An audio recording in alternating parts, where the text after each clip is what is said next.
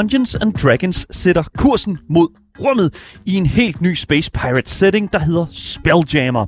Og så har Slow Clap, der er studiet, der står bag det ekstremt fede roguelike kampspil Sifu, også indført en sværhedsgrad slider. Og det er folk ikke just glade for.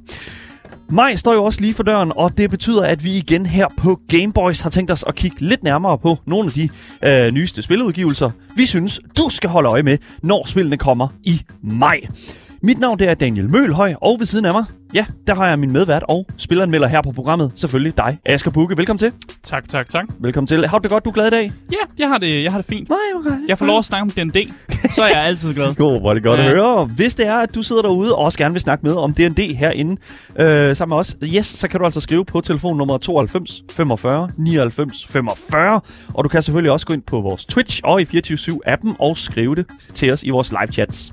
Og links til Twitchen, Instagrammen og vores fællesskabs Discord, ja, det finder du selvfølgelig i vores podcast beskrivelse sammen med tids- tidskoder omkring alt det, som du egentlig gerne bare gerne vil høre, nemlig hele programmet Gameboys. Du lytter til Gameboys, Danmarks eneste gaming-relateret radioprogram. Lad os komme i gang. Velkommen til.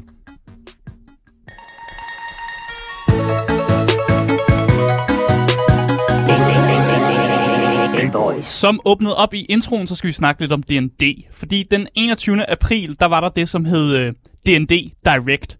Og det er ligesom, det minder lidt om det, som Sony også laver. Øh, de laver også Direct, og Nintendo laver det også. Og det er egentlig bare, hvor man viser varerne frem, mm. så at sige. Hvor man egentlig bare viser, hvad man har på tegnebrættet, og hvad der, hvad der kommer ud i de pågældende måneder og, og år. Ja. Øh, og her på det her øh, D&D Direct, der kom der nu selvfølgelig nogle updates på en masse af de her projekter, som D&D har allerede har annonceret.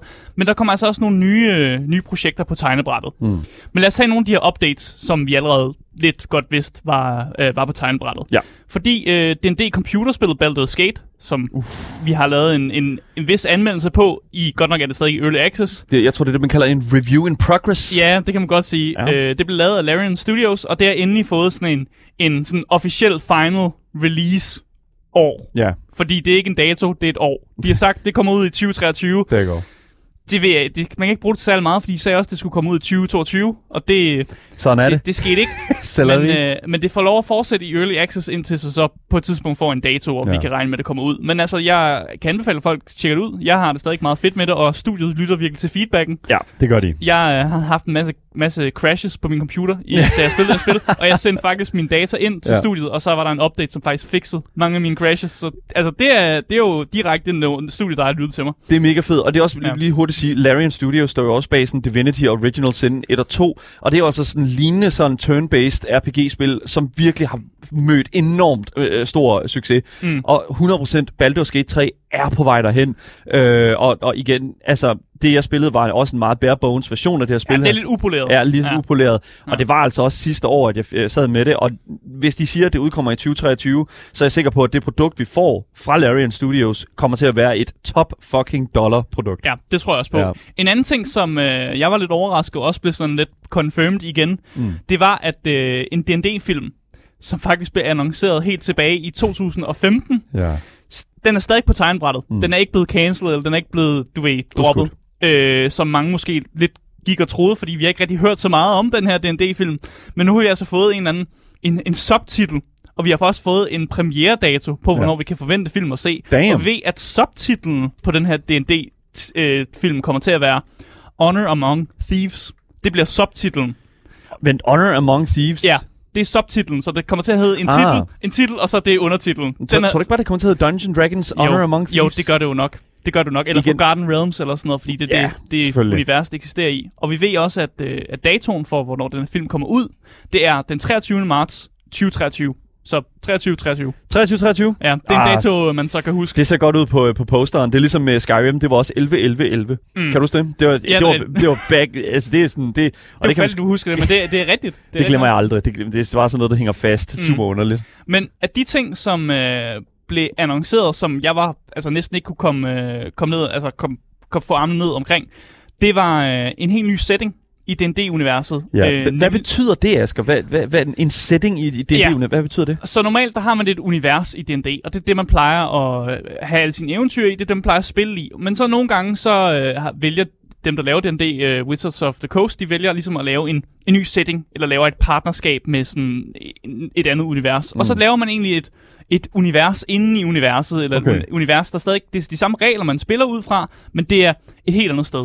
Så jeg tror, måde man kan se det på, hvis man, hvis man er Marvel-fan for eksempel, så Ja. er det sådan, øh, i et en setting er Thor og Valhalla-setting, og en Mm. anden setting er Guardians of the Galaxy og deres sådan space-setting.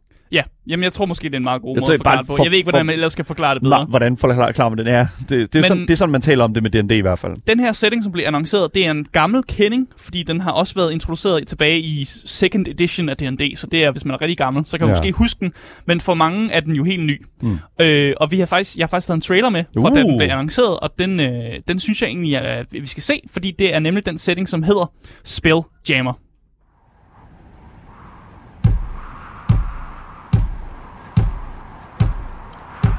I voyaged far in skies unknown by seeking treasure unforetold.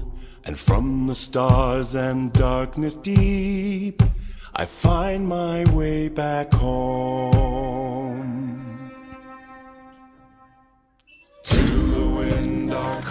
Så det vi hører her, det er jo det, man vil kalde en sea shanty. Ja. Yeah. Men øh, hvis man har kigget med på traileren, så ved man, at øh, vi ikke rigtig er på havet. Nej. Vi er i, øh, vi er i rummet. Ja. Fordi den her setting, der hedder Spelljammer, det er egentlig D&D, som I kender det, bare i rummet. Og som et ekstra lag af det, jeg vil kalde vanvittighed. Et ekstra lag af hamster. Et ekstra lag af, af fucked up ting. Fordi DNA er lidt, øh, de, de er sjove. De kan godt lide at have en vis del humor i deres universer. Mm. Men det er som om, at Spelljammer-universet, der har man lige besluttet sig for, at det skal skulle være endnu mere mærkeligt øh, og sindssygt. Og den her øh, Spelljammer-setting, den øh, kommer med tre bøger. En øh, DM-screen kan man også få med, og så får man også et kort over en, øh, en by, som hedder Brel, som er en by, som er inde i en asteroide. Bral. Ja, det er en, det er en by, som er, er inde i en asteroide. Øh, og det Mm. fungerer ligesom som, som sådan det at hop for, hvor eventyret egentlig finder sted. Så når man køber eventyrbogen, så kommer de her eventyr ligesom til at, det er der, man starter, i Ja. den her asteroideby, mm. og så bliver man sendt ud. Øh, og hvis man så med i traileren, så bliver man nu ikke sendt ud i rumskib. det er det stedet skibe. Det er et Normale, Et fucking sejlskib. Et Ja. kæmpe viktoriansk sejlskib med et stort sejl og sådan. Jeg ved ikke Ja. helt, hvad sejlets... Øh, for, for, altså sådan... det er bare til pynt, tror jeg. Det, det er bare... det- Noget skal der jo være der. Ja. Op i masten. Hvad ja, fanden? Ja, præcis. Og jeg kan fortælle, Ja. den, øh, den første bog, som øh, man kan købe med, hvis man køber med den her setting, mm. det er den, der hedder Astral Adventures Guide, som egentlig bare er en regelbog, mm. som ligesom dækker over, øh, hvad man skal vide om flyvende skibe, og en masse om de her nye raser, som eksisterer i det her rumunivers. Og der er nogle øh, mekaniske gnomes, der er nogle øh, sådan mærkelige humanoid insekter, og så er der det, der hedder plasmoids, som til synligheden er en slags uses. Og hvis man har lidt svært ved for... Hvad fanden er en Asger? Ja, det er en slimklap. Så, så, Thank you. så det, jeg tænker, man kan gøre som den her plasmoid, eller den her slimklap, det er måske, man kan klemme sig ind nogle steder. Og hvis man spiller Among Us, så tænker jeg måske, at man kan klemme sig ind i nogle vents eller et eller andet. Uh! Ja, bare for at lave en reference til noget, man måske kender til. Baka, okay. Ja. Så igen, det er, jo, det, er jo, det er jo sådan, nu er det meget sådan nede i Dungeons Dragons, øh, ved noget, Ja. ja. sådan, sådan, hvad kan man sige, teknik og sådan noget. Men helt øh, basically, altså så handler det om, at nu øh, kan du altså spille det her øh, bordrollespil i en sådan, hvad kan man sige, dun, øh, ikke, øh, øh, jeg vil ikke En engang kan- rumsætning. Ja, men rumsætning, men det er det jo ikke, fordi det er jo Nej. sådan, altså det er jo erstat, erstat vores hav med, med, med, med space. Ja. There you go. Det, det, jeg føler, det er sådan, det Præcis. hænger sammen. Præcis. En anden, øh, en anden race, der også er blevet sat ind, det er en øh, våbensvingende flod, et våbensvingende flodhestefolk, cool. som, hedder, som hedder GIF. Øh, og okay. de er sjove, fordi det, er- de ligner store flodheste, og så plejer de bare at have noget af en gøb med sig. Så jeg tænker, at Spelljammer-settingen, den også kommer med nogle mærkelige våben mm. af en art. Og jeg Mm. tænker, at øh, det er ikke unormalt, at man nogle gange ser de her, øh, altså, altså rent faktisk guns. Så jeg tror ikke, det, det, det, det tror jeg også er noget, vi kommer til at se i den her setting. Ja. Den øh, anden bog, som øh, kommer med, det er en monstermanual, og det er mest til, hvis man er en DM, og man har brug for nogle monster-stats, og man har brug for at finde ud af, hvad er der egentlig i rummet, man kan slås med. Ja. Og der får man en masse sådan kosmiske redsler med. Man får nogle åbenbart morderiske kometer. Ja. Mm, Okay, ja. Ja. Sure. Øh, nogle kometer af en art. Ja. Og så får man øh, mit yndlings øh, nye creature. Øh, man får det, der hedder øh, sådan nogle space clowns. Altså rumklovne. De, øh, der er nogle onde rumklovne, som åbenbart er øh, en slags pirater, der eksisterer i det her univers. Ja. Og jeg kan kun forestille mig, hvor sjovt det må være, at, øh, at blive boret af et andet pirat-rumskib, hvis man skal kalde det, mm. og der bare kommer klovnende væltende ud af det her skib, som så angriber dig. Det, øh, det er fantastisk. Og Cool. cool. den her bog, den hedder Boo's Astral Menagerie. Den øh, sidste bog, det er eventyrbogen. Det er jo den, hvis man så skal spille eventyret, som Hvis foregår eventyr- ja, i spil, øh, Spelljammer-universet. Og det tager spillerne fra level 5 til level 8, mm. hvilket jeg synes er helt perfekt. Fordi det er sådan et level, hvor man, man kan allerede finde ud af nogle ting, og Ja. det er lidt mere til de mere avancerede D&D-spillere, som måske har spillet i det normale univers, og gerne vil ud i rummet. I Ja, så, så man kan sige, alt det her, vi så snakker om nu i forhold til Spelljammer, det er ja. Ikke en, en, en ting, som jeg tror, man, som, hvis man tænker, åh, oh, jeg skal til at i gang med, med noget Dungeons Dragons. Mm. Jeg tror måske ikke, at det er her, du skal begynde. Altså, Nej, du det skal, tror jeg heller ikke. Du skal ikke begynde med Spelljammer. Du skal begynde med, med, med den her sådan starter, øh, hvad nu, øh, det her starter-eventyr med en masse goblins og den slags. Ja. Men, men, men Spelljammer er helt klart, hvad kan man sige, bare mere, altså mere af det gode på, på toppen af det, du allerede kender. Ja, hvis man gerne bare vil... Er det et lag af sådan ekstra øh, fucked up og vanvittighed? Og sådan, hvis man tænker, ja. det der med at være en pirat, ah, det er ikke ja. godt nok, jeg vil gerne være en pirat i rummet, Ja. så, så er det der, man skal hen. Og jeg mm. tror også, det minder lidt, hvis man har set Guardians of the Galaxy-filmene, eller spillet spillene, så tror jeg mere, det er den sådan, sådan mm. humor, og den, altså det er der, vi er over mod. Så hvis man kan lide det, så tænker jeg også, at man kan lide den her setting. Og lige hurtigt, øh, kæmpe plok til os selv her, fordi at øh, hvis det er, at du sidder derude og tænker, åh, jeg vil gerne i gang med at spille noget Dungeons Dragons, men jeg ved simpelthen ikke, hvordan jeg gør, eller hvad jeg skal bruge, eller hvem jeg skal gøre det med, så har vi altså her på Game Boys lavet en, jeg tror det er en 3-4 parts øh, ja. Ja. øh, lille sådan... Et forsøg sige, i hvert fald, ja. øh, En lille samling på D&D for begyndere. Mm. Så hvis du bare går ind på Google og søger på Game Boys D&D for Dummies, tror jeg faktisk bare, jeg har skrevet her, så, mm. hedder det nu, så kommer det frem. Det kan jeg stærkt anbefale, fordi vi forklarer, hvordan man spiller Dungeons Dragons. Mm. Det var bare lidt hot tip til dig derude, som ikke aner, hvordan man spiller det. Ja, som sagt, alle de her bøger og den her setting Spelljammer, det kommer ud den øh, 16. august, så det er altså ikke særlig lang tid, vi skal vente på, at vi kan få øh, den her fede setting i hænderne. Mm. Men en anden setting, som faktisk også blev annonceret, som var lidt mindre vanvittig, og det er derfor, jeg ikke er, jeg, jeg er ikke helt hype på den her setting, men, men det skal stadig ikke nævnes. Skal stadig være der? Det er den her setting, som hedder Dragonlance. Mm. Og, og i den her setting, der er der mere fokus på det, man skal sige, uh, militære konflikter. Mm. Så hvis man har spillet en, en masse D&D, så ved man, at det er meget de her små kampe, og man ligesom har personlige kampe. Øh, men her der rygtes det simpelthen, at de har taget de her standarde regler, som D&D følger, og så har de ligesom scaled dem op. Det er bare et rygte, så vi kan ikke confirm noget. Okay. Så efter scene, så skulle man kunne kæmpe med sådan store hære, i stedet for, at det bliver meget de her personlige kampe, hvor ja, man altså er karakter mod karakter. Ja, karakter det- mod karakter, ja. men mere bliver sådan nogle, nogle, nogle herre-ting, og man kan lave nogle sådan militære, militære kampe. Mm. Øh, og det bliver i den her setting, som, øh, eller det her eventyr, som hedder Warriors of Kryn, hvor de laver det her militæragtige, strategiagtige spil. Cool. Øh, og den her eventyrbog, som også kommer til det her Dragonlance, øh, den hedder Shadow of the Dragon Queen, og det her eventyr, det putter der egentlig bare ind midt i en krig. Så hvis man har spillet noget D&D og tænker, jeg kunne sgu godt bruge lidt mere militær konflikt, og lidt mere sådan, bare blive smidt ind Sure. i noget, noget, noget, altså en virkelig stor skaleret krig, Mm. så er det noget for en, ja. og man gerne vil derhen i sit, øh, i sit D&D eventyr, hvis det er der, man vil hen. Cool. Der blev også annonceret et nyt startersæt. Det er jeg rigtig glad for, fordi at øh, det gamle startersæt, det synes jeg, det, det mangler. Ja, det mangler noget, og det er ikke blevet opdateret, og det er ikke der, man skal starte. Øh, så jeg synes egentlig, det er godt, de har annonceret det nye startersæt, som hedder Dragons of uh, Stormwreck Isle. Og det synes jeg, det er faktisk der, man skal begynde, hvis man gerne vil begynde at spille D&D, så skal man kigge på det her startersæt, fordi det gamle, det er ikke begyndervenligt. Mm. Det synes jeg i hvert fald ikke. Cool. Øh, og øh, en ny eventyrbog kommer selvfølgelig også ud. Det er den her øh, eventyrbog, der hedder Journeys, Journeys Through the Radiant Citadel. Og det er bare en helt standard eventyrbog. Så øh, den har vi øh, vidst var på tegnebrættet lang tid. Og det er det næste bog, som egentlig kommer ud. Den kommer ud den 22. juni. Datoer, og ja. Ja. hvis du vil lave dit helt eget overblik, øh, så vil jeg helt klart anbefale, at du øh, går ned i vores podcastbeskrivelse og trykker ja. Ja. på linket, fordi der står alle, øh, ved nu, der står et lille fint sådan, hvad kan man sige, skriv over, øh, hvad hedder det nu, inde på det link, hvad, altså alle de her ting her, alle de her datoer her, fordi kan man, man kan der se, er mange ting. Man kan også se det her direct, hvis man gerne vil se en masse Ja. trailers, og man gerne vil høre, mm. altså, at det ikke er mig, der sidder og præsenterer de ting, men rent faktisk dem, der sidder og, og arbejder med dem. Ja. Så er det der, man skal gå hen. Fedt. Men øh, ja, det var alt, øh, som, som D&D-universet egentlig har planlagt, og jeg glæder mig meget til i hvert fald at spille det her Spelljammer. Game Boys. Så her på Gameboys, der øh, snakker vi jo en gang imellem om sværhedsgrader. Det, det gør vi i det hvert kommer fald. vi til, når vi, især når vi anmelder spil og sådan noget, så er det en ting, som jeg lægger meget mærke til. Mm.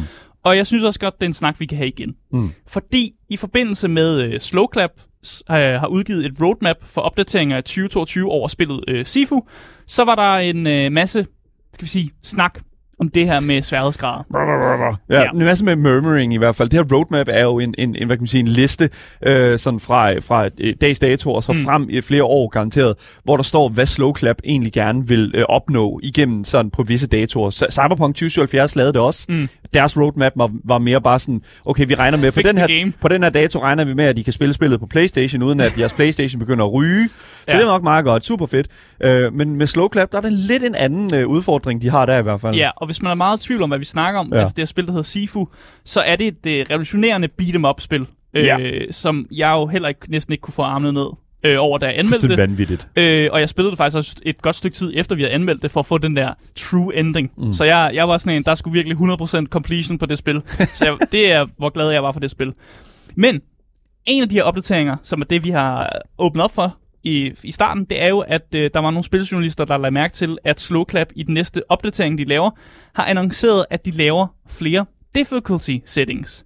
Altså, at man nu kan bestemme sværhedsgraden i Sifu. Så flere forskellige... Okay, ja, Ja. Fordi det er jo det, som der jo et eller andet sted er, er, er kernen, sagens kerne her. Det er jo sværhedsgrad, altså flere forskellige sværhedsgrader. Vi kender det jo fra rigtig Mm. mange spil jo, ikke? Altså lige snart du starter et, et, et I guess, Skyrim playthrough, ikke? Så Ja. skal du vælge, I don't know, om du vil spille på det her sådan intermediate, eller ja, for eksempel i Doom, hvor det er sådan, det øverste var det sådan Doom Slayer eller et eller andet, jeg kan ikke helt huske det. Det er altid sådan noget hell, og så Ja. ja. et, et, går den bare øh, dybere ned i helvede. Totalt noget, ja. intetsigende, og nogle gange ja. så forholder de sig bare sådan helt standard til, okay, beginner, normal og hard. Jeg tror også, det, det letteste niveau Doom, i Doom er faktisk noget, hvor de kalder den baby.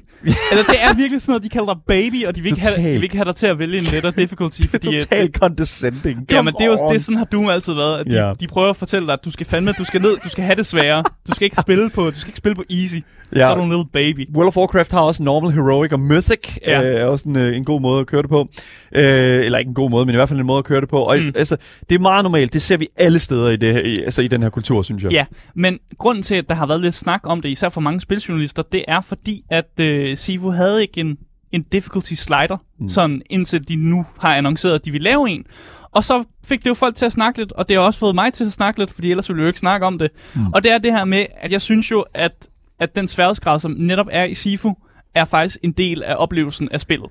Altså hvis man ikke havde den der, den der mur, man lige skulle banke hovedet mod, og man skulle have det lidt svært, for så at lære nogle ting, og så blive bedre, så var Ja. det, altså det er en del af spillet. Man skal blive en master. Og det- 100%, jeg er helt enig, men det der er med det, det er, at jeg føler, at sådan et spil som Sifu, øh, også et eller andet altså for det første, i den første øh, integrering, eller den første version af Sifu, mm. der var der slet ikke snak om det her. Altså der var slet Nej, ikke nej. snak omkring svær- sværhedsgrad andet end at, jamen altså, det er, spillet er tiltænkt på den her måde her, ergo det er sådan, at du skal, altså, det er der, hvor hele den der sådan øh, Dark Souls mentalitet kommer Ja. fra, det der sådan git good, mm. fordi at Dark Souls fra From Software, eller Elden Rings, som er deres seneste skud på stammen, det er jo sådan, altså et, et spil, som er udviklet med tanke på, at spillet er sådan her, spillet er øh, lavet, som det er, Mm. øh, en, en bakke er så høj, som den er, du kan ikke, øh, altså selvfølgelig, du kan købe dig en elcykel, I guess, så bliver det nemmere, Ja, men, du kan også få bedre equipment i Elden Ring, for eksempel. blive stærkere. Ja, ja. Men, men det der er med det, det er, at jeg føler, at, at en, en, udfordring, en udfordring i et spil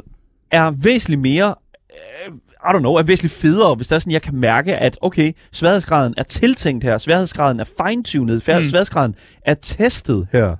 Og det her med, at man så et eller andet sted som person bliver stillet det, øh, altså inden at spillet overhovedet er kommet i gang, bliver stillet det spørgsmål, hvor let vil du have det?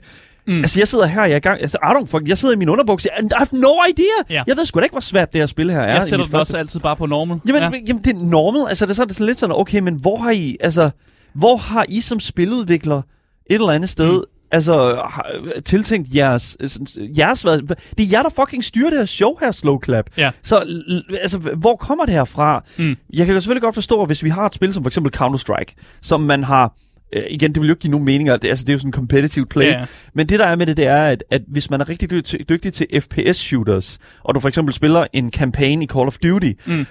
så er det jo sådan lidt, okay, fair nok, jeg har spillet Counter-Strike i sådan 5 millioner år, eller whatever, jeg spillede de sidste mm. Call of Duty-spil i sådan helt vildt lang tid, så jeg er vildt god med en controller, og jeg, jeg, så jeg kan godt sætte den op på hard, men der har jeg det bare sådan lidt sådan, men, men hvorfor er det, at vi behøver at et eller andet sted og selv tage stilling til til, Ja. hvorfor er det, at udvikleren ikke kan gøre det arbejde for mig? Præcis. Jeg betaler jer penge, mand. Let's go, dude. Ja, men, øh, jeg må sige, jeg, jeg er lidt enig med dig for det her, fordi jeg synes også, det, det er federe, når developeren bare har en eller anden en vinkel, eller de har en retning med, hvad, hvad, hvor de vil have spillet hen, og at jeg faktisk ikke behøver at vælge, hvilken sværhedsgrad det er. Mm. Men, øh, som Andreas også har nævnt, da vi snakker om sværhedsgrad, så kan jeg faktisk også godt se, hvorfor det nogle gange, altså det, det er nødvendigt at have en slider nogle gange. Fordi der er jo folk, der måske spiller med et handicap, mm. eller spiller med, altså de, de har bare svært ved spillet, og derfor skal man jo også hvis man for eksempel har et handicap, kunne sætte difficulty ned, så man også kan være med. Ja. Og det er jo, jeg kan jo ikke være imod det her, at alle skal få, have lov at være med i spil og sådan noget. Problemet er bare, at så kommer vi ud i det her med, skal vi så have den i starten? Fordi jeg har det sådan lidt eller andet Ja, og det ved vi jo faktisk ikke, om alligevel- Slowclap øh, har tænkt sig at gøre jo. Vi ved jo ikke, hvor Nej. det kommer til at være, den her, det, det her difficulty, om det er i starten eller noget, man justerer på. Men hvis du alligevel har en, hvad kan man sige,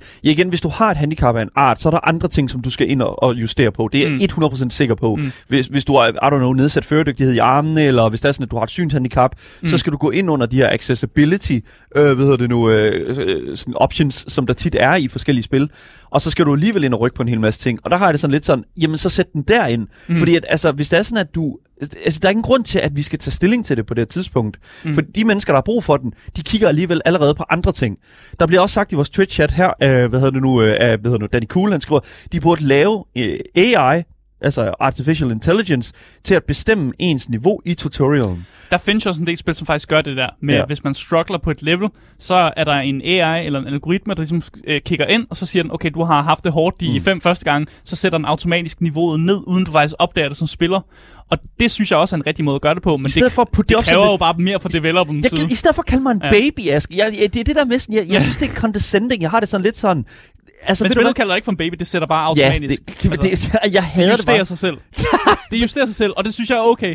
Men Ja. ja. det er hårdt for developer at lave, fordi man skal lave en eller anden, fuck, altså, man kan lave en eller anden algoritme, der skal kunne, kunne se det, og hvornår er man bare dårlig, og hvornår, altså, hvor- hvornår har man brug for hjælp. Men sådan spil som for eksempel League of Legends eller Counter-Strike for den sags skyld, de laver jo også deres sådan competitive sådan matchmaking, alt afhængig af, hvor god du er. Og det er jo det der med sådan, at du spiller nogle nogle runder, hvor der er sådan, at du et eller andet sted, sådan, hvor spillet kigger på, okay, hvor god er du, hvor mange kills får du, hvad, hvad er din sådan headshot-procent og sådan noget, ikke? Og så synes jeg bare et eller andet sted sådan, at jamen altså, okay, hvis det er sådan, at de kigger på det, og så placerer dig i en liga, mm. det er jo teknisk set det samme, vi taler om her, det her med sådan, alright, du spiller en tutorial her, Ja. hvor god er du til at, ligesom, at, at komme igennem de her ting her, og så sætter vi re- øh, sværhedsgraden efter det. Men igen, så det, det kræver også spørgsmålet, hvor meget tutorial skal man så have? Skal, øh, skal der så være en, en teams gameplay for, at spillet så kan justere ordentligt? Fordi hvis du kun spiller 10 minutter, så kan spillet måske ikke nå at justere, hvor du er i niveau henne, og så kan det være, det sætter dig helt forkert. Så igen, de, når du taler om de her placement matches i forskellige online-spil, så plejer man jo ofte også at spille sådan, du ved, 10 eller 20 placement matches, før man bliver placeret i noget. Og det er jo også tid, og det kan man bare ikke gøre på samme måde i singleplayer-spil, mm. fordi så skal man så også lade folk løbe igennem en to timers tutorial, før man kan placere dem et eller andet sted. Altså, det, det holder heller ikke. Øh, Quadro, han skriver også her i vores uh, Twitch-chat, øh, men der er nogle spil, der ikke kan finde ud af at bruge sværhedsgrads sliders, specielt FPS-spil med story mode, hvor patroner, patronerne er varmesøgende missiler, hvilket gør oplevelsen unfair. Mm. Igen, det er jo det der med sådan, du ved, altså sådan heat-seeking missiles, eller whatever, altså sådan det der med sådan uh, aim assist, tror Mm. jeg, er, en- er, er det, vi sådan et eller andet sted taler om her. Det er jo, er jo sådan et eller andet, det er jo det noget, der tilføjer sig til den her sådan snak omkring sværhedsgrad, det der med sådan, at Ja, ja. prøver, i stedet for at give dig en sværhedsgrad-slider, så prøver spillet i stedet for at hjælpe dig med at nå nogle af de her lidt mere svære aspekter af spillet. Ja, men jeg vil også nødt til at sige, altså hvis du spiller et eller andet skydespil med en controller, for, på for eksempel en konsol, så skal du have en eller anden form for aim assist, fordi så bliver, det bliver bare svært at spille. Så jeg kan godt forstå, at man lærer den aim assist. ja. Men, men Ja. bare lige for at vende tilbage til Ja, t- Slowclap og Sifu. Fordi der må jo være, developerne må jo have set et eller andet. De må kunne se noget data om, at folk måske har tjekket ud, eller der har været nogle klager, måske har folk skrevet til dem, og så må der, være, der må være en grund til, ligesom, at Slowclap har besluttet sig for, efter spillet er kommet ud, fordi det her er jo et, et, et godt stykke tid efter at spillet kom ud, at beslutte sig for, okay, vi laver sgu alligevel en eller anden slider. Og det er ikke det helt store, de har lavet. Altså, de har en, øh, en easy difficulty, der hedder student, de har en normal, der hedder disciple, og så mm. har de en, en master, øh, som er den hard difficulty. Så der er kun tre difficulties. Og jeg går ud fra, at den, der hedder Disciple, som er den normale difficulty, at, at den difficulty, man altid har spillet Sifu på. Håber jeg. Mm. Men der er også en del af mig, som måske er sådan et, okay, men er normal så lettere end det, jeg har spillet før, eller er det hard, som er den, man har været på før? Fordi hvor placerer man sig selv henne, og hvor har, hvor har det først været tiltænkt, at man skulle være henne? Fordi når jeg spiller Sifu igennem, så, så er det svært. Jeg synes, Ja. det er svært, men, men jeg ved ikke, er hard så endnu sværere? Men det er jo det, fordi det er, jo, det er jo umuligt at finde ud af Ja. rigtigt. Altså det der er med det, det er jo, at der bliver også sagt i, hvad hedder det nu, øh, i twitch her, Cuphead havde ikke øh, en sværhedsgrad slider, Mm. øh, spørger han vel. Og så siger jo, det havde, øh, igen, slider, fordi igen, jeg kan forstå sådan, at du har en normal mode, en easy mode og en hard mode. Men det sjove ved, sli- ved Cuphead, det er jo Mm. faktisk, at øh, Cuphead havde en simple mode og en Den havde faktisk nogle stykker. Den havde en simple mode, en regular mode, og så tror jeg, der var en expert mode, Mm. hvor at, at der, der er nogle forskellige ting, der bliver rykket rundt i forhold til sådan boss health og sådan. Og jeg, jeg tror måske også, at der er nogle forskellige, øh, hvad hedder det nu, øh, mechanics, der bliver rykket rundt på. Men igen, spørgsmålet er jo, hvor skal vi, altså, hvor skal den her sådan difficulty hen et eller andet sted? I sådan et Mm. spil som for eksempel Sifu, nu er det Sifu, vi taler om. Ja. Og jeg føler et eller andet sted, at det er en synd og skam at tage et spil som Sifu, som var så velstruktureret i sin difficulty, Mm. og så tæt på dets udgivelse, og indføre en difficulty slider eller whatever, hvor at, at den jo et eller andet sted bare føles som noget ekstra. Ja, og nu ved vi jo heller ikke, øh, vi ved jo Nej, faktisk, det- det vi ved jo faktisk ikke, hvordan de, hvordan de introducerer den her slider, eller hvad den kommer til at gøre ved gameplayet. Mm. Så, så hvis, hvis, hvis slideren for eksempel ikke er øh, noget, man vælger i starten, men noget, man kan gå ind og justere sådan af, af sig selv i løbet af spillet, når man synes, man måske har det for, for svært, eller hvis man synes, man har det for let, så synes jeg måske også, det er okay. Men det er måske også sådan en ting med, fordi du foreslog sådan der med, at måske hvis man dør meget, så kan det være, at spillet giver dig et tip, eller siger, Ja. hov, du er død mange gange.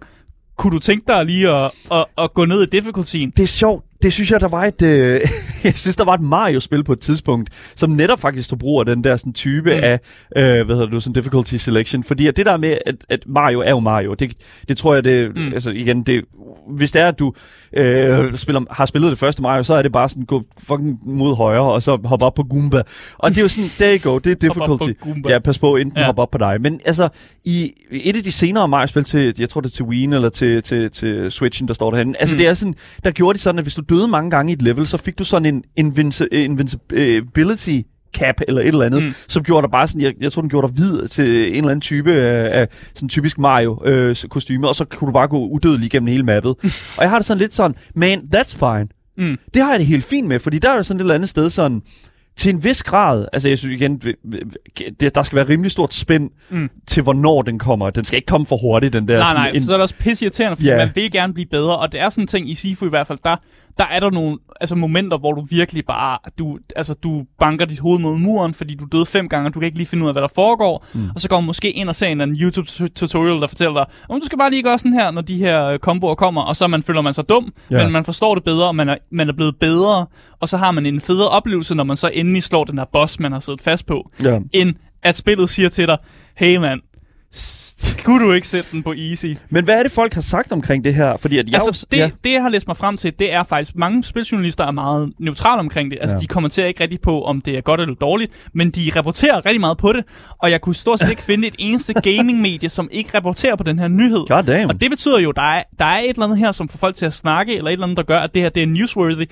eller også har Slowclap bare en vild god PR, PR, øh, PR-person, der bare er rigtig god til at sende alting ud til, til øh, alle de her gaming, øh, Mm. Gaming sites. Igen, jeg, jeg sidder jo ikke her og advokerer for, at der skal være altså, sådan færre uh, difficulty sliders i verden. Altså, det er ikke det, der mener. Men det er det, der... Jeg føler lidt, at spilstudier skal ikke være bange for at undlade den i deres desi- game Nej. design. Fordi at Ja, et eller andet ja. sted, så synes jeg, at mange spil rent faktisk godt kan klare sig uden. Ja. Og specielt sådan et spil som Sifo, som var så vanvittigt dygtig til at forklare, Mm. føler jeg i hvert fald selv, hvad det var, som, som, som tillod dig at gøre rigtig, rigtig mange ting bedre Mm. i, i, igennem spillet, og igennem bosser, igennem, øh, så, når du møder en fjende. Jeg synes virkelig, at Slowclap var virkelig dygtig til at, øh, igennem Sifu at fortælle, hvad difficulty var, mm. uden at det skulle være sådan holden i hånden. Og det igen, altså, det er op til, dem, det er op til Slowclap, Ja. hvorvidt at de gør det her. Men det er jo det samme som hvis, øh, du, for eksempel hvis, hvis et Souls-like-spil begyndte at influ- im- implementere difficulty, så tror jeg også, der var rigtig mange, der ville blive lidt sure faktisk. fordi det er også bare et spil, det er... som, som, er, som jo er kendt for, at det er jo ikke meningen, det skal være let. Og så findes der selvfølgelig folk, der laver mods, som er sådan easy mode og sådan noget. Og jeg, jeg tror vist nok, at den mest downloadede mod til Elden Ring, det er no- en, der hedder easy mode. Ja. Som simpelthen bare gør spillet lettere. Og det, Og det, Det synes jeg også er okay. nok. Ja, sure. At man går out of your way til at få en eller anden mod, som gør spillet lidt lettere. Ja, lige præcis, fordi det skal ikke være, det skal, jeg føler, i sådan et spil som, som Elden Ring eller From Software-spil, det skal ikke være fint tilgængeligt. Det skal ikke være frit tilgængeligt. Det skal ikke, det skal ikke, det skal, når man, du skal Sæt op på din høje du skal, ja. Prøv at høre her, if you, hvis det er, at du har det svært i Elden Ring, så tror jeg, så tror jeg ikke, Elden Ring er et spil for dig. Og det, det er bare, mm. eller, Elden Ring er faktisk en væsentligt mere øh, tilgivende end, øh, end, end alle de andre From Software-spil. Men hvis du har det svært i et spil som Sifu, så tror jeg ikke, at Sifu er et spil for dig. Og det, det fordi, at, altså, det Mm. bliver ved med at cater til den del. Igen, hvis de introducerer en relativt øh, traditionel øh, difficulty slider, så er det, hvad det er. Mm. Så kan det godt være, at det bliver nemmere for dig. Men jeg føler bare, at et spil som dem skal holdes en lille smule i den boldgade, der hedder, vi er, øh, altså, det, vi er et spil, som er t- øh, tiltænkt med den her øh, difficulty, og Mm. det har vi gjort, fordi det er sådan, vi har testet det, og det er den genre, vi, def- vi definerer os ud fra. Mm. Det, Det- kan, I like it, man. Ja, det kan jeg også godt lide. there you go. Det kan jeg også godt lide. Jeg kan fortælle, at øh, udover der selvfølgelig er det her difficulty settings på det her roadmap, så har Slowclap også lagt ud, at der kommer en masse nye outfits, som man kan putte på sin øh, Great. That's character. okay. Fine. Øh, og så kommer der også løbende det, der hedder gameplay modifiers, som jeg ikke er helt styr på, hvad det egentlig indebærer, men Det kan Men- være mange forskellige ting. Ja, Ja, det kan det være, kan Modifiers kan også bare være sådan, at, at øh, fjenderne, deres, at de kun sparker, for eksempel. ja, sådan noget der. Ja, sådan, det, kan, det, det er sådan noget, du kan slå til og fra. Det er faktisk meget fedt, fordi det er med til at gøre spillet, øh, altså sådan mere replayability, du kan spille spillet igennem igen, Præcis. øh, med forskellige typer af udfordringer og sådan noget. Det er fucking godt tænkt at slå klap. Ja, de har også øh, lavet et, øh, det, de kalder et avanceret system, som gør, at man nu, når man spiller et level, så får man jo en score, man får nogle point, som man så kan putte i forskellige skills og sådan noget der. Og de har tænkt sig at lave et lidt mere avanceret scoring-system, som gør sådan noget med, hvis du for eksempel ikke øh, laver et eneste blok, men kun dodger ting, så får du nogle ekstra point, eller du kan, du kan, du kan klare nogle levels på nogle bestemte måder, som gør, at du får nogle flere nogle, nogle, nogle bedre scores. Og det synes jeg også er fedt, fordi så kan man lave det der, øh, og nu laver jeg bare et, et uh, only kick run, eller sådan noget, hvor jeg kun sparker ting, for eksempel, og så får man nogle scoringsmæssige mm. Mm. ting derefter. Så det synes jeg egentlig også er okay, at de øh, laver sådan et mere avanceret scoring-system. Ja.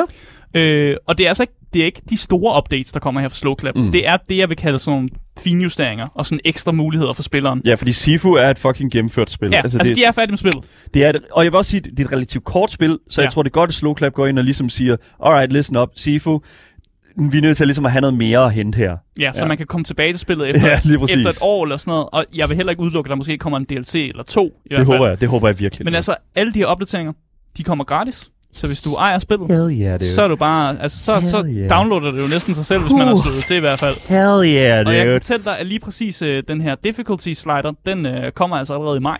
Øh, Uh. 3. maj. Lad os se på det. Så øh, vi ser på, hvad der sker, om folk er stadig er sure den 3. maj. Ja, den 3. maj. Let's go.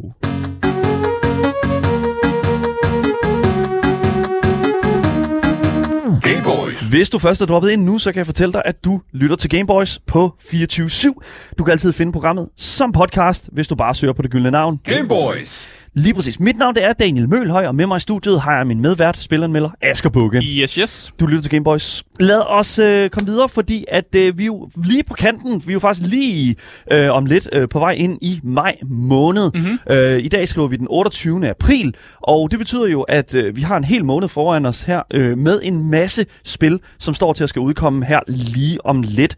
Og det er vi her på Gameboys jo relativt interesseret i, fordi det er tit og ofte de spil, vi ender op med at sidde og anmelde. Øh, hver, tirs, hver tirsdag i hvert fald.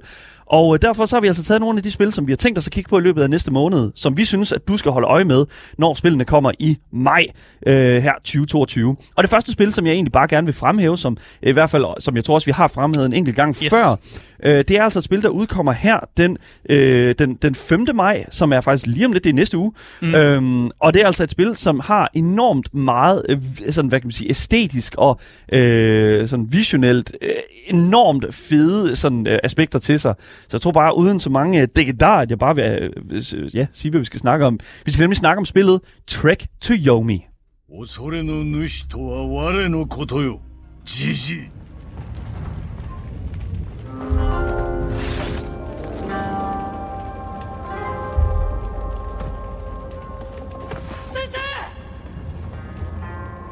Uh, Trek to Yomi.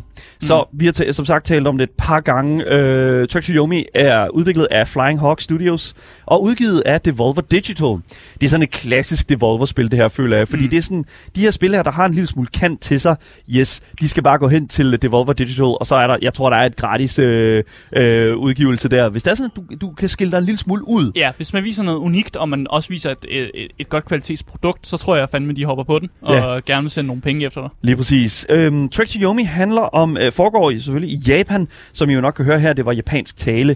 Øh, og det foregår i den tidsperiode, som hedder Edo-perioden, som der går fra 1603 til 1867, hvilket er, Ja, det, det er lige det er øh, pænt lang tid. lidt over 200 år. ja, lige præcis. Og øh, her kommer øh, Trek to Yomi simpelthen til at dykke meget ned i den her Shinto-tro, som der er Japans oprindelige religion. Altså det, og det er en religion, der er fyldt med mytologi og naturånder, som tænker, at, øh, at, at, at hvad kan man sige, øh, guderne er i alt. Mm. Alt omkring os. Vinden og den slags. Det var lidt, hvis man har spillet Ghost of Tsushima, så er det lidt det samme. Det her vinden fortæller dig, hvor du skal hen og sådan noget. Ja. Vinden, der leder dig hen til et bad og egentlig bare gerne beder dig om at tage tøjet af. Super underlig naturånder. Okay, anyways. Så Trek to Yomi, altså narrativet er meget drevet af den her sådan tro, og i traileren der ser man også, at øh, hvad kan man sige, det ligesom kommer til at foregå et sted imellem de levende og de dødes rige, altså det her sted, der hedder Yomi. Mm. I spillet kommer man til at spille som Hiroki, som øh, i traileren bliver vist til øh, som en samurai, hvis liv øh, ender ret pludseligt åbenbart, fordi at du bliver stukket i maven, og her ender du så i det her limbo. Ja, altså skærsilden, eller ja, hvad- Yomi, eller hvad skal man kalde know. det? Ja. Ja, lige præcis. Spillet er, som øh, man kan se også på, øh, på gameplayet, øh, inspireret rigtig meget af de her Kurosawa-film, som man jo kender, altså de her sådan, uh, Seven Samurai og den slags. Mhm. Øhm, og Sådan sort-hvid samurai. sort-hvid samurai-film, ja, som vi kender fra, fra øh, hvad hedder det nu, øh, øh, sådan om, omkring sådan, for, øh, jeg øh, ja, det, 20'erne og 30'erne, I don't altså det know. er virkelig gammel stumfilm og Ja, den ja. slags. Øhm, virkelig, virkelig interessant. Ud fra traileren, så kommer det til at være meget in your face, den her sådan, inspirationskilde, fordi det hele er sort-hvid. Og, men, men der er også en lille smule sådan, øh, jeg tror, øh, Sigurd skrev i vores chat her, er det her Kill Bill? Og ja, det, altså, det er, sådan- Kill Bill er jo også inspireret meget af de her samurai-film. Så det er sådan lidt samme stemning. Mm. Og det kan jeg rigtig, rigtig godt lide. Spillet har en meget unik øh, æstetik til sig, og jeg synes, det er et vanvittigt flot spil, i hvert fald det, man ser i traileren her. Men jeg kan frygte, at det hele kommer til at se en lille smule stale ud efter noget tid. Men øh, når man har set noget gameplay, og med masser af voice acting, så tror jeg faktisk, at den samlede oplevelse kommer til at være en relativt interessant øh, gameplay-oplevelse. Ja.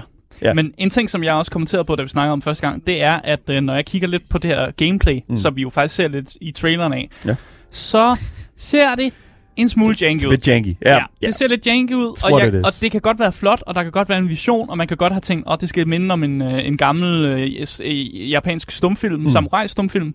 Men hvis det så føles rigtig dårligt, og jeg struggler med mine controller, når jeg sidder og spiller spillet, så kan det jo være lidt lige meget.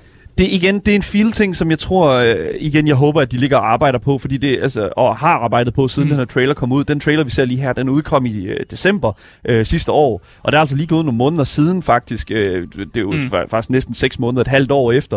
Og der kan altså nå at ske meget med gameplay siden da. Det kan være, de har finjusteret nogle af de der sådan, små finder, som vi jo sidder og spotter her, er en lille smule Ja. øh, fejlfyldte. Det er bare nogle animationer, der Ja. godt kan gøres lidt mere, øh, en lille smule bedre. Ja. Udover det, så kommer der også, til, som jeg tror, det ser ud her, til at være rigtig meget originalt sprog, altså japansk tale. Og så betyder det, at vi skal til at læse en masse undertekster, mm. ligesom vi gjorde det i Ghost of Tsushima, hvis man havde det på japansk tale. Ja. Jeg håber lidt, at der er en øh, engelsk dub. Øh, det tror jeg næsten, der kommer til at være. Det vil jeg næsten håbe, der vil være. Fordi jeg synes, det er en lille smule irriterende, når du har så flot et spil, som Track to Yomi jo er, så at vi sådan skal sidde øh, fokusere hele vores, øh, hvad hedder det nu, øh, syn, mm. Vores fokus, ned på bunden af skærmen for at læse, hvad de siger. Ja. Det er en lille smule ærgerligt. Men der er jo også ja. folk, der vil sige til dig, at det holder bare i statikken, at de snakker japansk. Ja, ja. Og det er den i japansk tidsperiode og sådan nogle ting. Men det, men det kan jeg bare ikke rigtig bruge til noget, når jeg egentlig bare gerne vil, vil, vil se, se de her flotte, ved nu, øh, flotte scener, som er blevet konstrueret foran mig. Mm. Jeg, jeg, jeg håber, det er sådan, det er. Men igen, jeg, jeg, igen man er ikke rigtig gamer, hvis simpelthen ikke man taler japansk øh, også, selvfølgelig. Øh, Udover det, så ved det nu, øh, som sagt, udkommer øh, Trek to Yomi jo selvfølgelig den 5. maj, og det udkommer på øh, nogle forskellige platforme. Det udkommer på PC, det udkommer på Playstation, og det udkommer på Xbox. Og øh, på PC og Playstation, der kommer det til at koste 150 kroner. Mm. Virkelig, virkelig god pris. På Xbox kommer det til at koste 160. Det, Hvad, delen? Ja, så 10 lige- kroner mere? lige 10 kroner mere på Xbox. Og det er jo selvfølgelig nok for at få folk over på Game Pass, tror jeg. Og I mean, hvorfor har du ikke Game Pass i dag? Og, og det er jo fordi, det kommer det er jo ud ikke- på Game Pass. Ja, det, det, Fra det day kommer- one. Day one på Game Pass. Igen, jeg er nødt til at sige, hvis ikke du har Game Pass, tjek det Vi ud. kan anbefale det. Vi kan anbefale det, fordi det er altså the best, øh, ved nu, øh, altså best øh, bang for your buck, når det kommer til nye spiludgivelser i dag. Mm. Jeg, jeg vil virkelig sige, og Track to Yomi kommer, jeg, altså igen, jeg tror, det kommer til at være alle pengene værd. Konsolfolk, ja, there you go. Hvis du er på Playstation, måske kommer det også ud på den her nye Playstation Plus løsning, som vi ser her til øh, juni. Øh, men indtil videre, så udkommer det altså day, øh, day one her næste uge, den 5. Øh, maj, på Xbox, Game Pass selvfølgelig, og PC Game Pass også selvfølgelig, og PlayStation til 150 kroner. Mm. Så jeg ser frem til at høre, hvad folk har at sige om det her spil her, fordi det, jeg tror, det kommer til at blive fedt. Men indtil videre, så, øh, ja, så må vi vente til det udkommer. Som sagt, den 5. maj. Game Boys. Det næste spil, vi skal kigge på, det er øh, spillet, som bygger på en filmserie, mm. og det er det spil, som hedder Evil Dead The Game.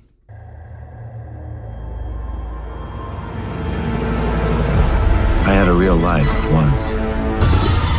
I had a wonderful girlfriend, Linda. Together we drove to a small cabin in the mountains. Necronomicon Ex Mortis, the book of the dead. Så hvis man nogensinde har set en øh, Evil Dead-film, Groovy. ja, Ja. så øh, er det her spil, det bygger jo bare på hele filmserien. Som, ja. sådan. Så hvis man er vild med, øh, med, med serien af film, så tror jeg faktisk, det her spil måske også er en for en.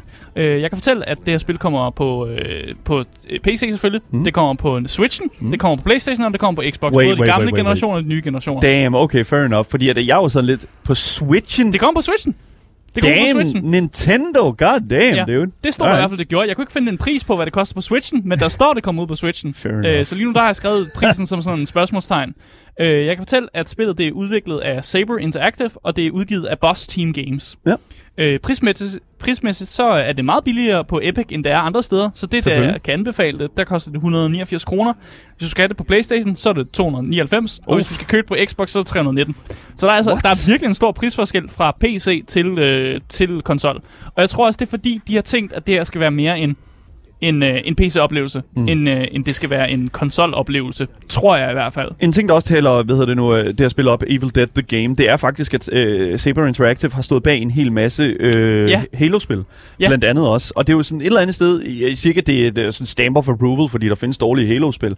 Men et eller andet sted, så tror jeg ærligt talt, at det taler ret godt for gameplay Mm. øh, og strukturen i gameplay i det her spil her. Ja. Jeg, synes, det, jeg synes, det er rigtig, rigtig godt, at det er dem, der sidder med den her øh, IP i hænderne nu. Præcis. Altså, jeg vil jo sige, Saber Interactive, øh, når man kigger på de IP'er, de har, så er det, det er AAA good spilfirma stuff. faktisk, Ja, ja. som har, har fået det her projekt ind over sig. Og jeg har en idé om, at det faktisk bliver ret grineren. Ja. Fordi det gameplay, som, som Evil Dead uh, The Game her har, det skulle efter sigende være en blanding mellem Left 4 Dead og Dead by Daylight. Så Thank hvis man, God. hvis man kender til de to spil, så ved man måske allerede, hvor vi er på vej hen. Altså man får lov at spille som øh, de her ikoniske karakterer fra alle filmuniverserne. Det vil sige alle filmene, øh, også den serie, øh, som også blev lavet øh, over Evil Dead. Og, og så kunne du egentlig bare få lov at rende rundt som de her survivors, og så skulle du egentlig bare, du ved, kæmpe dig igennem en masse hårder af skelet. Ja. Skelet, skråstreg, dæmoner, skråstreg, monstre. Jeg ved ikke rigtig, hvad jeg skal kalde mand. dem. øh, og det, der er det fede ved det, det er, at øh, ham her, hovedkarakteren, øh, som bliver spillet af Bruce Camp Campbell, ja. Det er den originale voice actor. De har fået Bruce ind for at lave or- original øh, stemme til det. Ja. Og man får simpelthen, man kan spille for, som Bruce fra alle de forskellige film, så, så han bliver, kan ligesom blive ældre, alt afhængig af, vil man Fedt. hellere have ham fra en af de sidste film, eller vil man have ham fra den første film, der var lavet, hvor han er lidt ung i det. Nu, så er det, kan man simpelthen selv få lov at vælge. Ja, jeg vil så dog sige, at den trailer, vi ser lige nu her, det er altså en trailer fra 2020, og der, der står, kommer den 2021. Det, det er ikke helt sandt. Altså, det, hvad hedder nu? Ja, det er en, udgivelsesspillet rykket. Ja, det her spil er, har været, været offer for en masse ryg, øh, ryg, ryg og en masse, hvad kan man sige, udgivelsesdatorer. Mm. Og det er jo, hvad vi kender til. Men nu står det altså faktisk til at skal udkomme her lige om lidt. Ja. Øh, faktisk næste måned. Ja, og så øh, også rent for at snakke lidt mere om gameplayet, Ja. øh, så skal man selvfølgelig balancere sit helbred, som de her survivors. Men man har faktisk også det, der hedder en, en frygtmåler, som man skal balancere, så ens karakter ikke går i panik, og så har man svært ved at se forskel mellem sine venner og fjender. og så kan shit, man jo komme man. til at skyde dem, fordi de ligner skeletter. Okay. Øh, og så har hver survivor, de har også en bestemt class, og det er noget, vi kender også fra Left 4 Dead, der har man forskellige classes, og Dead by Daylight er der også sådan lidt det class-system, hvor man leveler op og sådan nogle ting der. Ja. Og ligesom i Left 4 Dead og i Dead by Daylight, kan man også få lov at spille som de onde. Ja. Man får lov at spille som den her Kandarian Demon, som kan besætte nogle kroppe og lave mange spøgefulde ting, for at uh, survivalsens dag bliver rigtig dårlig. Fedt, mand. Fuck, hvor er det fedt. Ja, udover det, så har spillet også et level-up-system, så der er ligesom, øh, det er ikke bare, man går ind med sine survivors og spiller det, det er sådan level, ja, der er noget progression, Ja.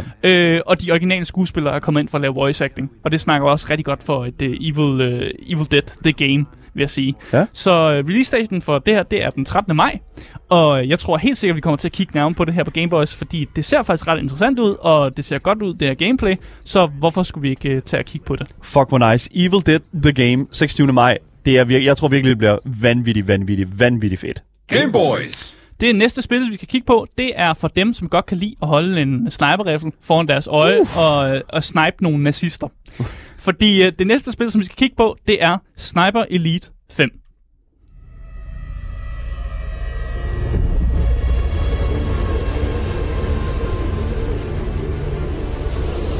The steel wheels of the Nazi war machine crush everything in their path. Ja, Ja, er jeg, det- tror, det var, jeg tror, det skal lyde som Hitler, det her. Jeg, nej, jeg tror ikke, det er Hitler. Jeg tror, Nej. det er, jeg tror, det er fra, fra, fra, England, du. Øh, Nå jo, det skulle da Churchill for Churchill, satan. ja. Ja, men det- undskyld, Ja. undskyld. Det er Win- Churchill. Det må jeg slet Winston. ikke sige, det der. Puha. Ja, det er ikke så godt. Asger ikke styr på sin historie. Anyways, ah, det er jo heller ikke ham, der siger det jo, tror jeg. Nå, Sniper Elite 5 i hvert fald. Det er Ja. udviklet af Rebellion Developments, og det er også dem, der har udgivet det, og det er dem, der har lavet alle Sniper Elite-spillene. Så Hmm. det er de samme udviklere. Øh, det kommer ud på PC, det kommer ud på konsollerne, som det skal være. Hvis man, har, hvis man er på Game Pass til gengæld, så kommer det ud på Game Pass. Selvfølgelig, og det er I jo, der, der lytter med jo. I er på Game Pass, fordi I vil gerne have bang for your buck, ikke? fordi prisen på den her, den er stort set den samme, uanset hvor du køber den. Det er 489 kroner. Det er AAA-pris, det her. Men på Game Pass, der er det jo bare... Inklusiv, inkluderet. Inklus- der er det Ja. inkluderet, så Ja. man kan egentlig bare tage det igennem der. Igen, vi er ikke sponsoreret af Game Pass. Det er overhovedet ikke det, vi snakker. Vi- Det er bare fucking... Vi, Det er bare en god deal. det er bare en virkelig god deal. Prøv bare at hjælpe jer gamers derude. Jeg prøver vidderligt bare at støtte jer op om jer, mand. Sniper Elite 5, mand. Jeg har altid, altid været enormt interesseret i den her øh, spil. Øh, serie. Mm. Jeg har aldrig nogensinde øh, formået at, at komme ind i den, men, men igen, jeg er helt sikker på, at det her det er et af de her, øh, sådan den her type spil, Ja. som jeg, altså det er sådan en blanding af Hitman, og så, I don't know, Ja. Call of Duty, hvis man skal sige det på den måde. Ja, det kan man godt, Ja. men det er jo meget mere fokus på, ligesom man Ja. sniper. Fordi Ja. det er jo lidt formelen, der er i de her sniper elite-spil, det er det her med, at du ligesom skal sidde som en eller anden alone sniper og ja. klare dig igennem de her store baner. Ja. Og vi ved, at øh, spillet kommer til at foregå i Frankrig i 1944, Ja. mens nazisterne ligesom har fuld kontrol over landet.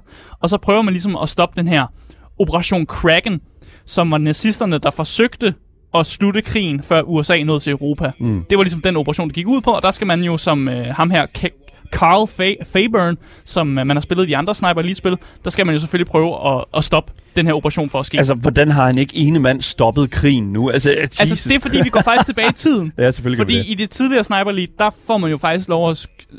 Der er en mission, hvor man får lov at skyde Hitler. Man får lov at skyde Hitler in the balls. Det er jo det, der er med det her spil her. Det er, at man, når, man, når man dræber nogen, så følger man nogle gange kuglen Ja. øh, hen mod offeret. Og hvis man skyder Hitler in the ball, han har, Hitler har jo kun én ball, så, eller han havde kun én ball, og, og, det, det, og det er øh, ikke, det, kan man se i spillet. Ja. Han har kun én ball. Jeg kan fortælle dig, Daniel, at de har faktisk lovet, at der kommer et opgraderet killcam uh. i Sniper Elite 5. Jeg kan, Fucking jeg kan også nice. fortælle, at der er kommet øh, nye tilpasninger af våben og ammunition, så man ligesom kan lave nogle flere customization på, hvad for, nogle, hvad for noget ammunition man har i sin, øh, sin sniper her. Og så, når de ligesom opgraderer killcampet, det er jo signaturen af Sniper Elite, Det er det. så er der jo noget for alle, kan Fuck, man ligesom nice. sige. Jeg kan også fortælle, at øh, de har, Sniper Elite har haft multiplayer og co-op, men der kommer åbenbart til at være ligesom et større fokus på det, end der har været før. Så øh, co-op'en til Sniper Elite 5 kunne faktisk godt gå hen og blive ret dope. Ja, det kan det, men igen, det var sådan... Der Jeg vil find- gerne have co-op. Jeg ja. kunne godt tænke mig det. Jeg tror, det kunne være sjovt, at man var to snipers, og man ligesom kunne koordinere nogle attacks på nogle af de her store sådan, øh, slotte. Men du ved jo, det bliver mod hinanden, Asger. Du ved jo, det bliver... Jo, det gør. Det bliver competitive. De, nej, men ja, det, Det skal- og der, der- har været competitive, men de, de, det er som om, de åbner op for, at man kommer til at spille sammen. Jeg siger det bare. Okay, fair enough. Det blev Hvis åbnet det op for, jamen, det der blev åbnet for, at ham her Carl Fairburn, som man jo spiller, skal sådan samarbejde med øh, nogle franske sådan, øh, modstand, modstandsbevægelse. Så de åbner op for, at der kommer til at være en co-op ting, og der er også en af trailersen, hvor vi ser ham snakke med en af de her modstandsfolk. Mm. Så det de åbner de op for, og det håber jeg bliver en realitet. Men jeg kan altså fortælle, at øh, Sniper Elite 5, det kommer ud den øh, 26. maj. Uff. Øh, og hvis man har Game Pass, Så oj, man skal ja, finde ja, det. ja. Og ellers så koster det 489 kroner Ja. på næsten alle Jeg, platforme. jeg tror også, jeg kommer til at sige, at Evil Dead udkommer den øh, 26. maj. Det, var, det, det er den 13. maj, det udkommer. Ja. Så det, det, det udkommer den fredag den 13. Er det ikke sådan, det hænger sammen? jo, det tror jeg faktisk lige nok, præcis, ja. så det er sådan, det er. Men ja, lige præcis bare lige en, øh, en, en lille ændring fra min side af. Mm. Øh, ja, 26. maj for Sniper Elite 5 selvfølgelig.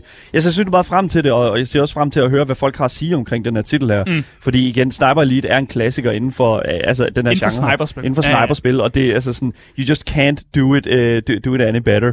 Så 100% kæmpe, ved, vi ser frem til den 26. maj. Game Boys. Det sidste spil, vi har på listen, det er spillet, som hedder My Time at Sandrock.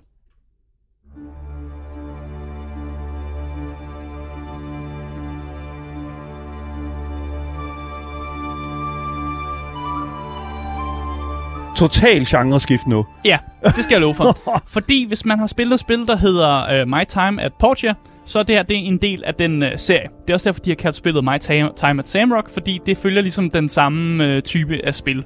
Mm. Uh, man kan kun, indtil videre har jeg kun kunne se, at man kan få det her på Steam. Øh, og det kommer til at være i en eller anden form for, jeg tror, der kommer til at være en eller anden form for early access, før spillet rent faktisk kommer ud. Øh, jeg kan fortælle, at udvikleren og udgiveren er stadig det samme. Det er Pathia Games, som er udvikler og også udgiver sammen med PM Studios, faktisk. Jeg vil skyde på, at spillet kommer til at koste 223 kroner. Men det er fordi, det, det tidligere spil kostede, men vi aner det faktisk ikke, for det er ikke, øh, det er ikke blevet annonceret endnu. Igen, jeg, jeg, jeg må ærligt indrømme, Har du aldrig nogensinde spillet Stardew Valley? jo, men det, Fordi- det her er ikke Stardew Valley. Men My Time at Portia er øh, virkelig godt modtaget faktisk Ja. ja. for folk, der godt kan lide øh, sådan nogle øh, Stardew Valley-agtige spil. Og der er også mange ligheder mellem de her to typer spil. Mm. Det, man kan lidt bare, hvis man har spillet Stardew Valley, så er det lidt det, men bare i en 3D-verden. Mm. Hvor man har, det er lidt mere fyldskørende, og der, er lidt, der foregår lidt flere ting. Og i forgængeren, altså My Time at Portia, der fik man bare et værksted, og så skulle man tage sig af en, en gård i et grønt område. Men det her, det er altså, terrænet er skiftet ud, og i stedet for øh, grønt og grønne skove, så er der meget sand, mange sten, og det er meget sådan prærieland. Okay. Øh, og det, det virker som om, de kører sådan et lidt uh, Wild West-tema, og ja. Det er der, vi skal hen af i serien. Øh, og at de ligesom ruller det her Wild West-tema ind, det gør også, at de har taget et uh, kig på deres combat-system, og besluttet sig for, at det skal skulle gøres lidt bedre. Ja. Så det er Stardew Valley, men, men lidt mere combat, og hvis man kender til serien, så, så ved man også godt, hvad man skal forvente, at det bare er øh, lidt type det samme type, men bare i et andet landskab, hvor man i stedet for at skulle dyrke noget grønt jord, så skal man se, om man kan få tingene til at fungere i et prærieland.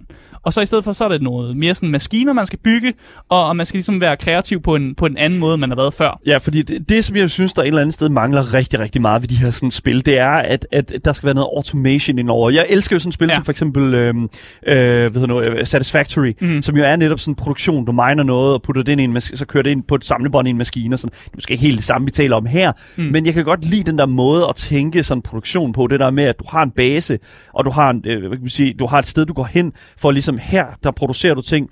Og igen, når jeg ser den her trailer her, så synes jeg ærligt talt også, at det ser en lille smule interessant ud, at det Mm. er sådan en så stor åben verden, og, og at du ligesom kan gå rundt i den her verden og opdage ting, og ligesom have din base. Det er sådan, det er igen, det er en survival-verden, det tror jeg ikke rigtigt, vi kan komme udenom, Mm. men jeg synes, det ser interessant ud, Ja. og, alligevel, og alligevel ikke. Og jeg, er jo- jeg er jo altid fan af det der Wild West-tema, når ja, der er sådan et godt tog, og man kan ride på nogle heste, og der virker som om, der er sådan nogle buffaloes. Det kan være, at man kan hurt dem, og man kan ligesom udleve sine cowboydrømme. Mm. Og det kan jeg jo ikke lade, jeg kan ikke lade være med at tage et spil med, som egentlig får dig til at bare udleve dine, øh, dine cowboydrømme. Så det er jo derfor, jeg har taget det med. Ja. Release-daten, det er den 26. maj i Early Access. Ja. Så det kommer altså ikke ud den 26. det er bare i Early Access, men det er altså der, man kan få fingre i det, og vi kender ikke prisen endnu. Nej. Vi skyder stadig 220 kroner deromkring. Sikkert. Ja, igen, øh, jeg vil sige, det kommer udkommer den samme dag, som, øh, hvad hedder det nu, øh, som, som Sniper Elite 5 udkommer, og Ja. det, det, I don't know. Det er svært at compete med. men det er en anden type spil, Det er- og det er en anden type spiller, der Ja. har interesseret det her. Det er det virkelig, 100%. Jeg ser virkelig frem til det. Det var spillene, som vi synes, du skal holde øje med, der udkommer i maj måned i år. Og det synes jeg sådan set bare, øh, at du skal, ja, lige sammen med os, gå igennem her den her næste måneds tid. Og så kan det være, at vi kigger lidt nærmere på dem om tirsdagen, tirsdagene, når vi har vores anmeldelser, nemlig der. Så 100% spillene udkommer i maj, og jeg er virkelig, virkelig glad for, at de spil, der udkommer. Det bliver super fedt. Mm. Yes. Det var alt, hvad vi havde på programmet for i dag. For jer, der lytter med på radioen. Hvis du missede noget, så kan du finde dagens program som podcast, hvis bare du søger på det gyldne navn. Game Boys. Hvis du missede noget, så kan du også bare altid, bare hvad hedder det nu, øh, ja, I don't know, skriv ind til os, og så kan vi øh, lade dig op til, op til touch, I guess. Twitch, Instagram og Discord. Links finder du i podcastbeskrivelsen. Mit navn det er Daniel Mølhøj, og med mig i studiet har haft Asger Bukke. Yes, yes. Vi er tilbage igen i næste uge med meget mere gaming og meget mere Gameboys til jer top tier gamers. Vi ses. Hej hej. Hej.